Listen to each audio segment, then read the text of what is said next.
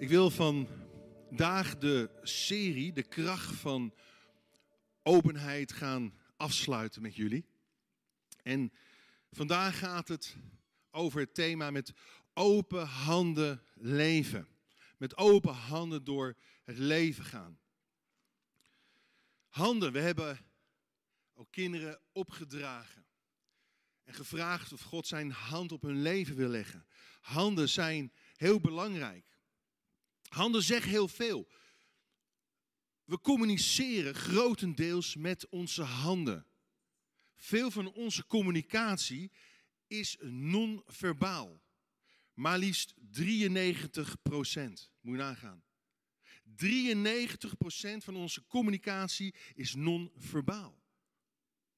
Handen zijn dus van een enorme betekenis. We kunnen met gebalde vuisten door het leven gaan of met open handen leven. En dat symboliseert leven in openheid, leven in oprechtheid, leven in ontvankelijkheid.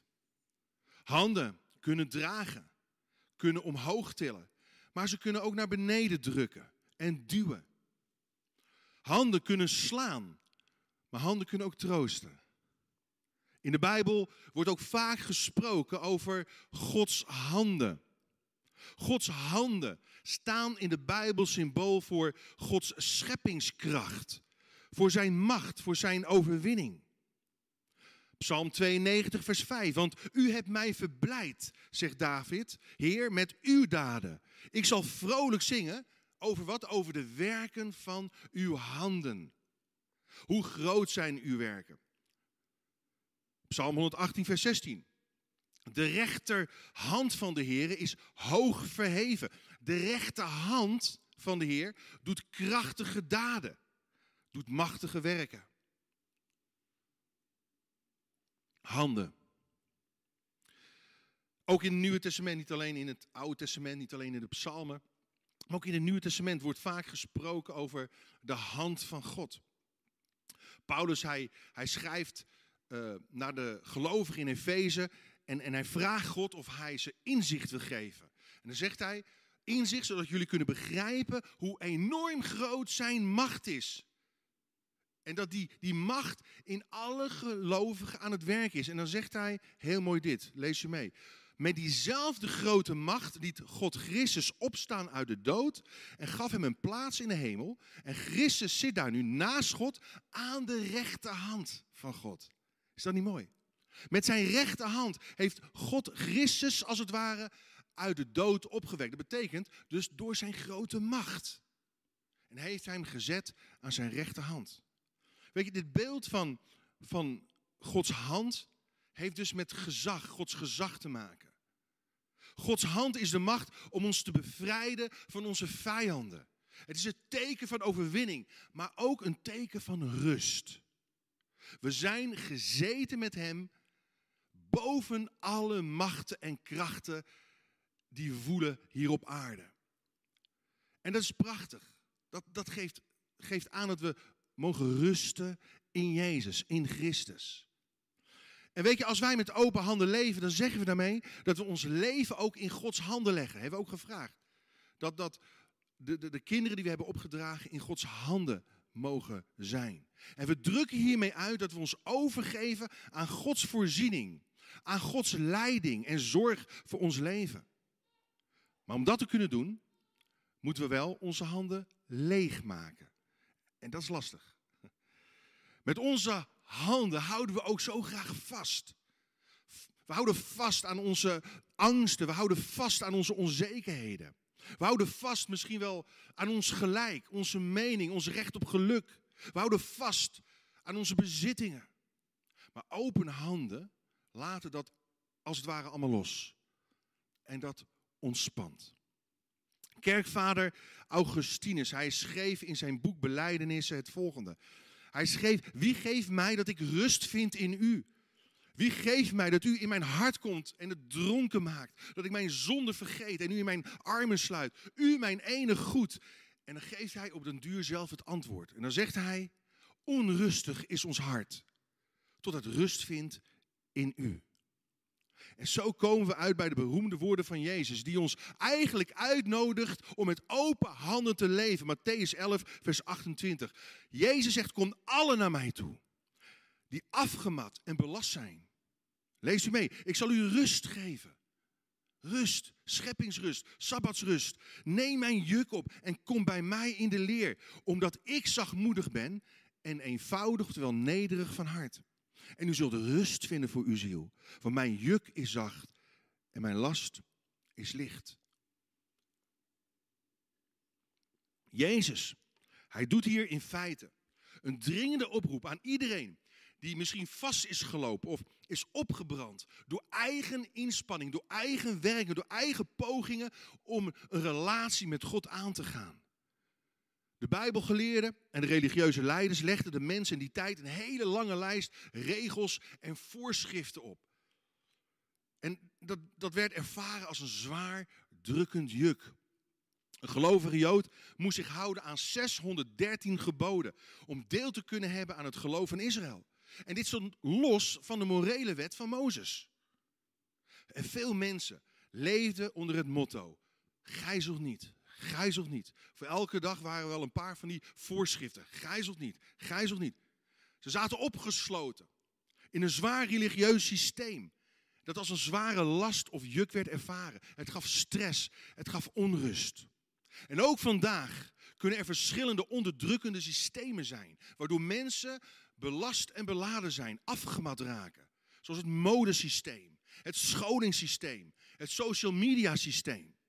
En we blijven maar bezig, ten volle meerezen in het cyberverkeer. Anders voelen we ons niet meer van waarde. In het boek Like Me heb ik het volgende geschreven. Laat het aantal likes dat je krijgt of de reacties op je blogs en tweets niet de graadmeter van je eigen waarde zijn. Weet je, de duim van Jezus voor jou is veel belangrijker dan de duim van wie dan ook, van welke Facebook vriend of vriendin je ook hebt. Maar toch, toch, heel veel mensen voelen voortdurend die digitale druk om, om nog mooier voor de dag te komen, nog beter, misschien nog succesvoller, nog slimmer over te komen dan anderen. Stel je voor dat we er niet meer bij horen, dat we niet meer mee kunnen doen. Tellen we dan nog wel mee?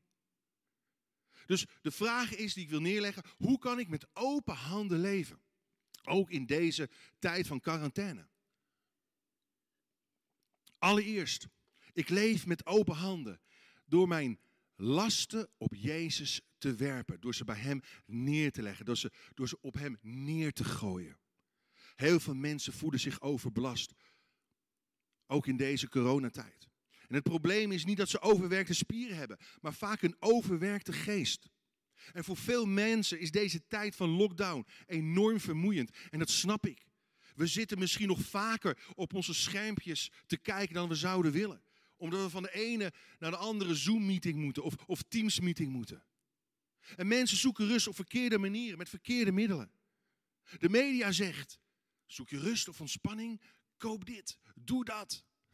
Je moet iets doen of iets kopen om iets te zijn in onze cultuur, om tot rust te komen. Maar een valkuil. Er is één probleem. En overal waar je gaat, je neemt jezelf altijd mee.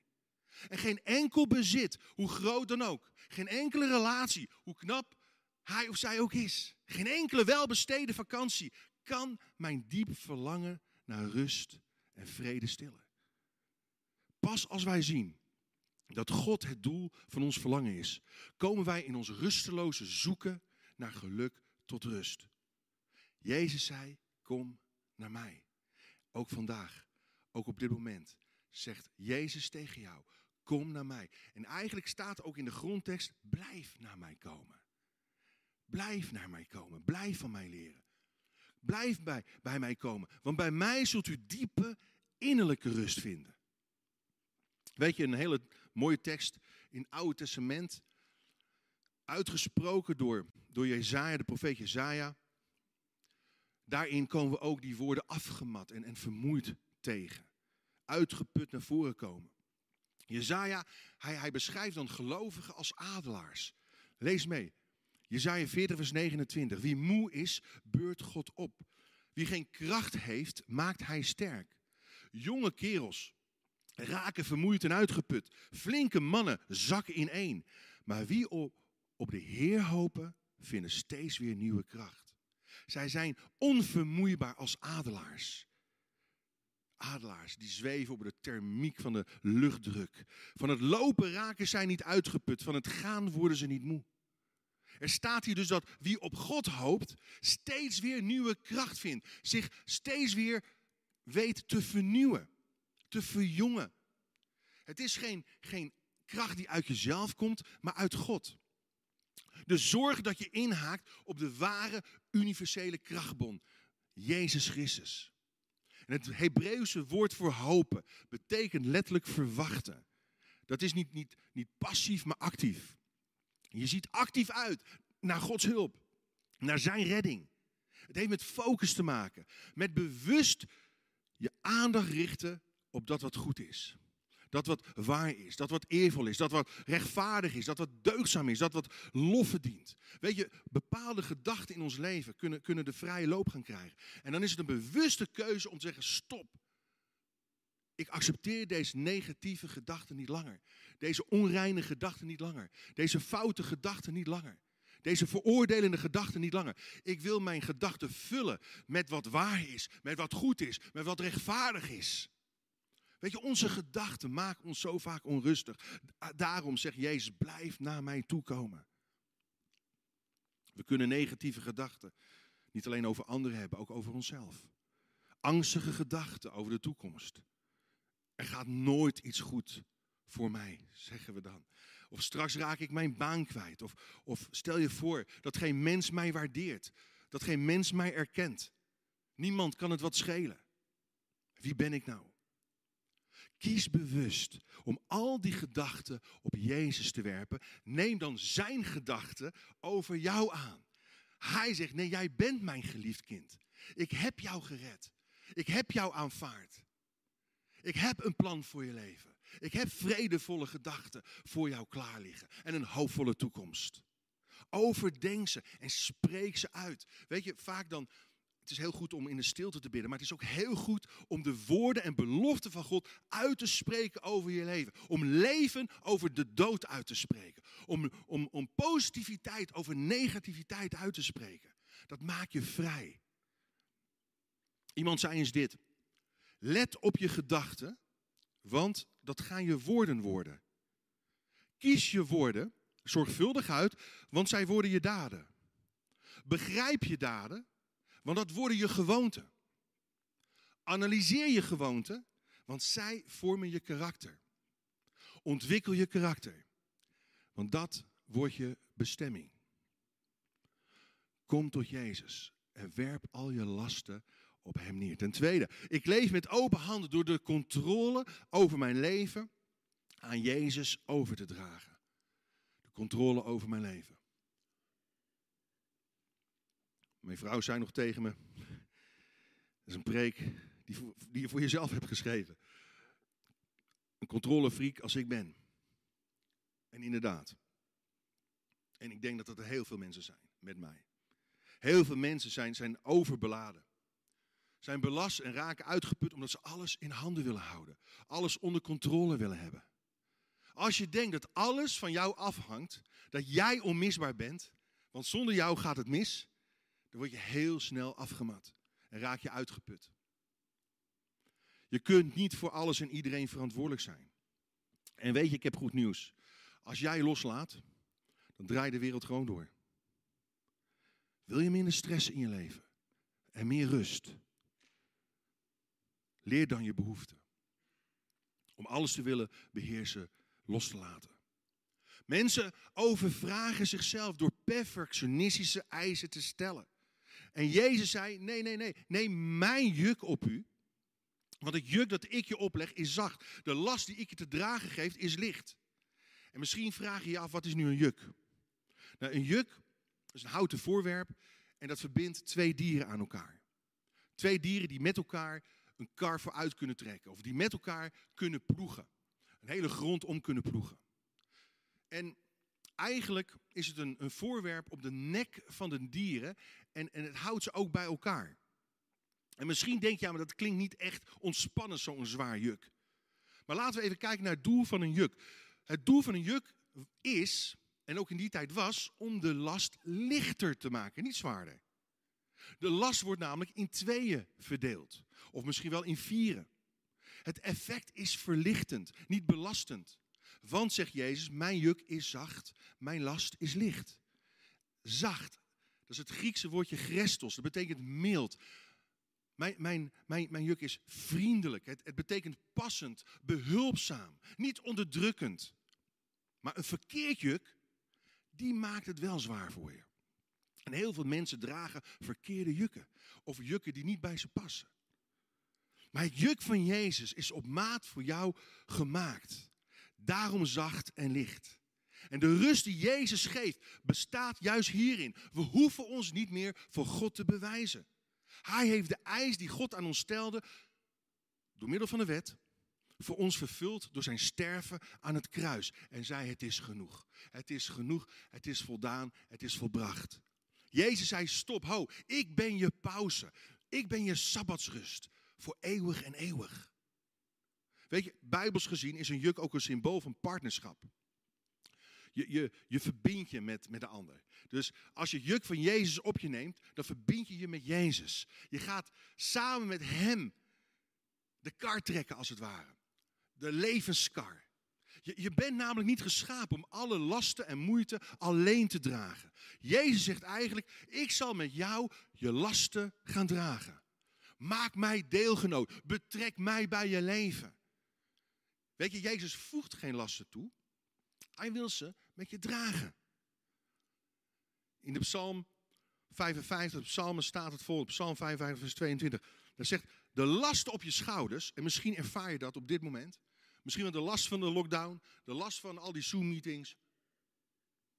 De last misschien wel van eenzaamheid. De last misschien van, van, van moedeloosheid, van hopeloosheid. De last, draag hem over aan de Heer. Hij zal voor je zorgen. En wie hem trouw is, laat hij niet bezwijken. De walmende vlaspit laat hij niet uitdoven. Het geknakte riet zal hij niet verbreken. En misschien voel je je geknakt. Maar hij zal je weer oprichten. Want weet je, juk is ook een symbool van overgave. Overgave in de zin van onderwerping. Heer Jezus, u bent mijn meester. Ik ben uw dienaar. En weet je, als je, als je onder één juk met Jezus bent, dan kun je niet zomaar je eigen weg inslaan. Je gaat samen dezelfde richting op. Je, je, je, je, je voert dezelfde koers. Ik hou rekening met degene die naast mij loopt. En dat is in dit geval Jezus. Ons vlees kan misschien, ons, onze oude natuur, uh, naar links willen gaan. De verkeerde kanten. Hé, hey, maar Jezus, die is, is gelinkt aan ons. Want we, we dragen samen met hem. En die, die duurt ons weer een beetje op het goede spoor. Op het rechte pad. We zijn deelgenoten, we zijn partners. En met open handen leven betekent dus dat je de controle aan God overgedragen hebt. En dat maakt het leven een stuk eenvoudiger. Ontspannen. Chill. Weet je? Want Hij bepaalt het tempo. Ik zelf wil vaak het tempo bepalen. Voor mijn leven, voor de dingen die ik wil. Nee, nee, zegt God. Ik bepaal het. God gaat niet sneller dan jij aan kan, maar ook niet langzamer dan nodig is. Hij weet op welk ritme jij met hem moet wandelen. In zijn voetsporen. Met open handen leven. Betekent dus, Heer, ik draag de controle aan u over. En dan ten derde. Ik leef met open handen. Door de vorming van mijn karakter aan Jezus over te laten. De vorming, de ontwikkeling van mijn karakter laat ik aan Jezus over. Jezus zei, laat mij uw leermeester zijn. Want, dat is de reden. Waarom zou ik van Jezus willen leren? Want ik ben zachtmoedig en eenvoudig van hart. Ik ben zachtmoedig. Denk eens aan de, aan de getemde kracht van een paard. Wie heeft wel eens geprobeerd een paard in een trailer te zetten? Hè? In de zaal toch wel een paar mensen. Nou, ik heb het een, een paar weken geleden geprobeerd. Angelique vroeg mij om haar te helpen. En ze heeft me erin geluisterd. Um, ja, hoe moet ik het zeggen? Had net een trailertje op de kop getikt op Marktplaats. En uh, ons paard, Maaike, uh, Angelique rijdt erop, onze dochters rijden erop. De meiden van ons gezinshuis rijden er af en toe op. En uh, heel lief paard. Zachtmoedig. In ieder geval, Angelique zei, joh, eventjes, duur niet lang. Maar wil je me helpen? En dat, dat paard, Maaike, was maar een paar keer in een trailer geweest. Nee, het is zo gepiept. We waren anderhalf uur bezig. Jongen, jongen. Eerst met z'n tweeën een uur lang. En ik maar trekken aan het beest. En, en Angelique met een zweepje op de kont slaan. En Maaike wilde die trailer niet in. Een getent paard. Op een gegeven moment, joh, kwamen nog twee andere mensen erbij met touwen, ik weet niet wat. Maar ik moest het beest vooruit trekken. Ik was er weer, weer de klos.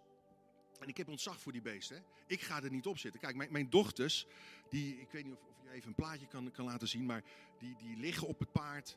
Uh, die gaan staan op het paard. Uh, ja, de volgende slide. Uh, ja, die, uh, die zijn niet zo bang. Maar je ziet even hoe groot het beest is. Daar heb je ontzag voor. Een getent paard. Op een gegeven moment, man en macht, kregen we dat beest. Dus en ik, ik zo voor dat beest, zo al trekkend, die trailer in. Op een gegeven moment zat ik opgesloten met dat grote monster van een paard. Ik kon geen kant uit. Ik begon te gillen. En, en iedereen eromheen staan, maar de deur was al dicht. Die, die trailer veel te klein. En op een gegeven moment. Ah! Wat is er? Wat is er, Nicoline? Ze dacht dat het beest mij vertrapt had, hè? Maar er was ook een klein beest. Ze had op mijn grote teen getrapt. En ik kon er niet uit. Ja, er was een klein luikje, zeiden ze. Nou, die, die, gelukkig kon ik die nog open krijgen. Kon ik er net uitkruipen. Maar hey, ik heb het nu over een getemd paard. Laat staan als het een wild paard was geweest. Ongetemd. Dan was ik echt vertrapt. Dan was ik echt verbrijzeld geweest of weet ik veel wat. Maar weet je, Jezus is een persoon die ons niet vertrapt. Hij is een persoon, hij is de God die ons niet verbrijzelt. Hij is de God die juist bij de gebrokenen van hart komt wonen. Bij de nederigen van geest komt wonen.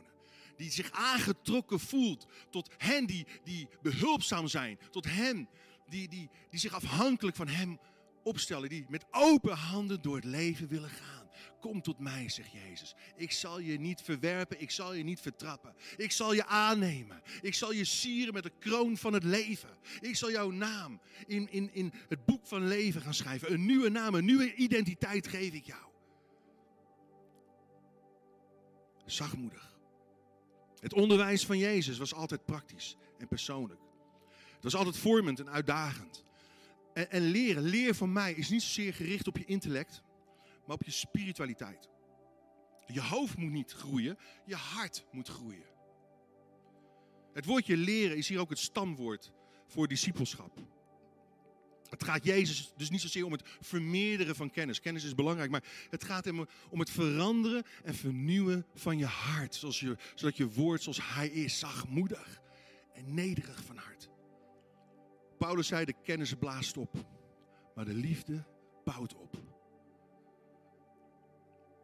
Je kunt jezelf wel proberen te veranderen.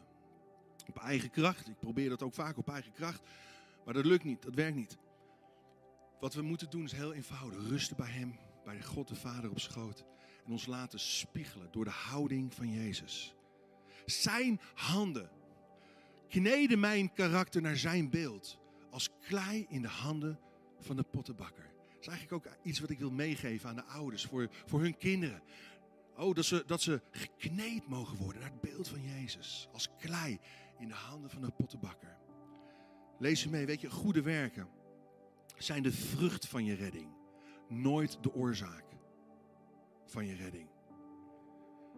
Leren van Jezus bestaat erin dat je jezelf niet verheft. Niet je eigen belangen vooropstelt. Niet meedoet met vergeldingsdrang. Nee, je leert van zijn karakter. Wil je rust? Ik leer je zachtmoedig en nederig te zijn, zegt Jezus. Daar krijg je rust van. Hij zei niet, ik leer je hard en geslepen te zijn. Waarom zegt hij dat? Omdat ik geloof dat de twee grootste onruststokers in ons leven en relaties agressie en arrogantie zijn. Ik kijk even naar de beelden de afgelopen weken met al die rellen. En natuurlijk waren er relschoppers bij, maar de agressie kan zomaar toenemen in ons leven. De arrogantie kan zomaar de kop opsteken. Daarom zegt Petrus 1, Petrus 5 en 6 het volgende.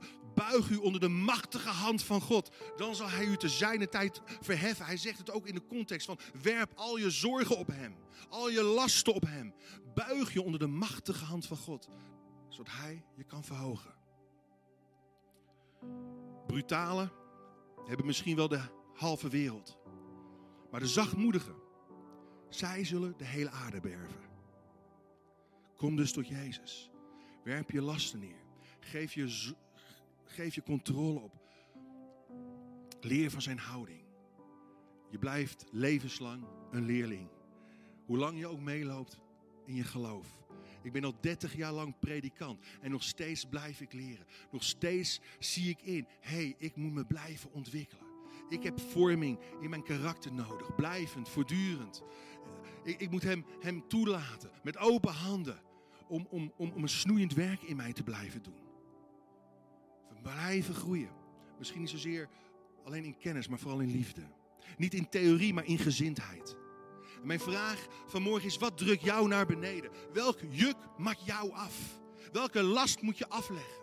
Welke bitterheid of pijn moet je op hem neerwerpen? Zodat hij die pijn misschien wel met jou kan dragen. En die pijn en moeite in je hart kan wegnemen. Welke zorgen? Op Hem neerleggen. Welke moeite loslaten. Ik wil eindigen met Psalm 62, vers 1. Daar zegt de psalmist dit. Alleen bij God vindt mijn ziel haar rust. Je kunt het proberen in pillen, in allerlei plannen, in, in boeken, in, in pep talks, programma's. Nee, in de persoon die zegt, ik ben Yahweh. Ik ben die ik ben. Daar vind je je rust. Van Hem komt mijn redding. Hij alleen is mijn rots en mijn redding. Mijn burcht. Nooit zal ik wankelen.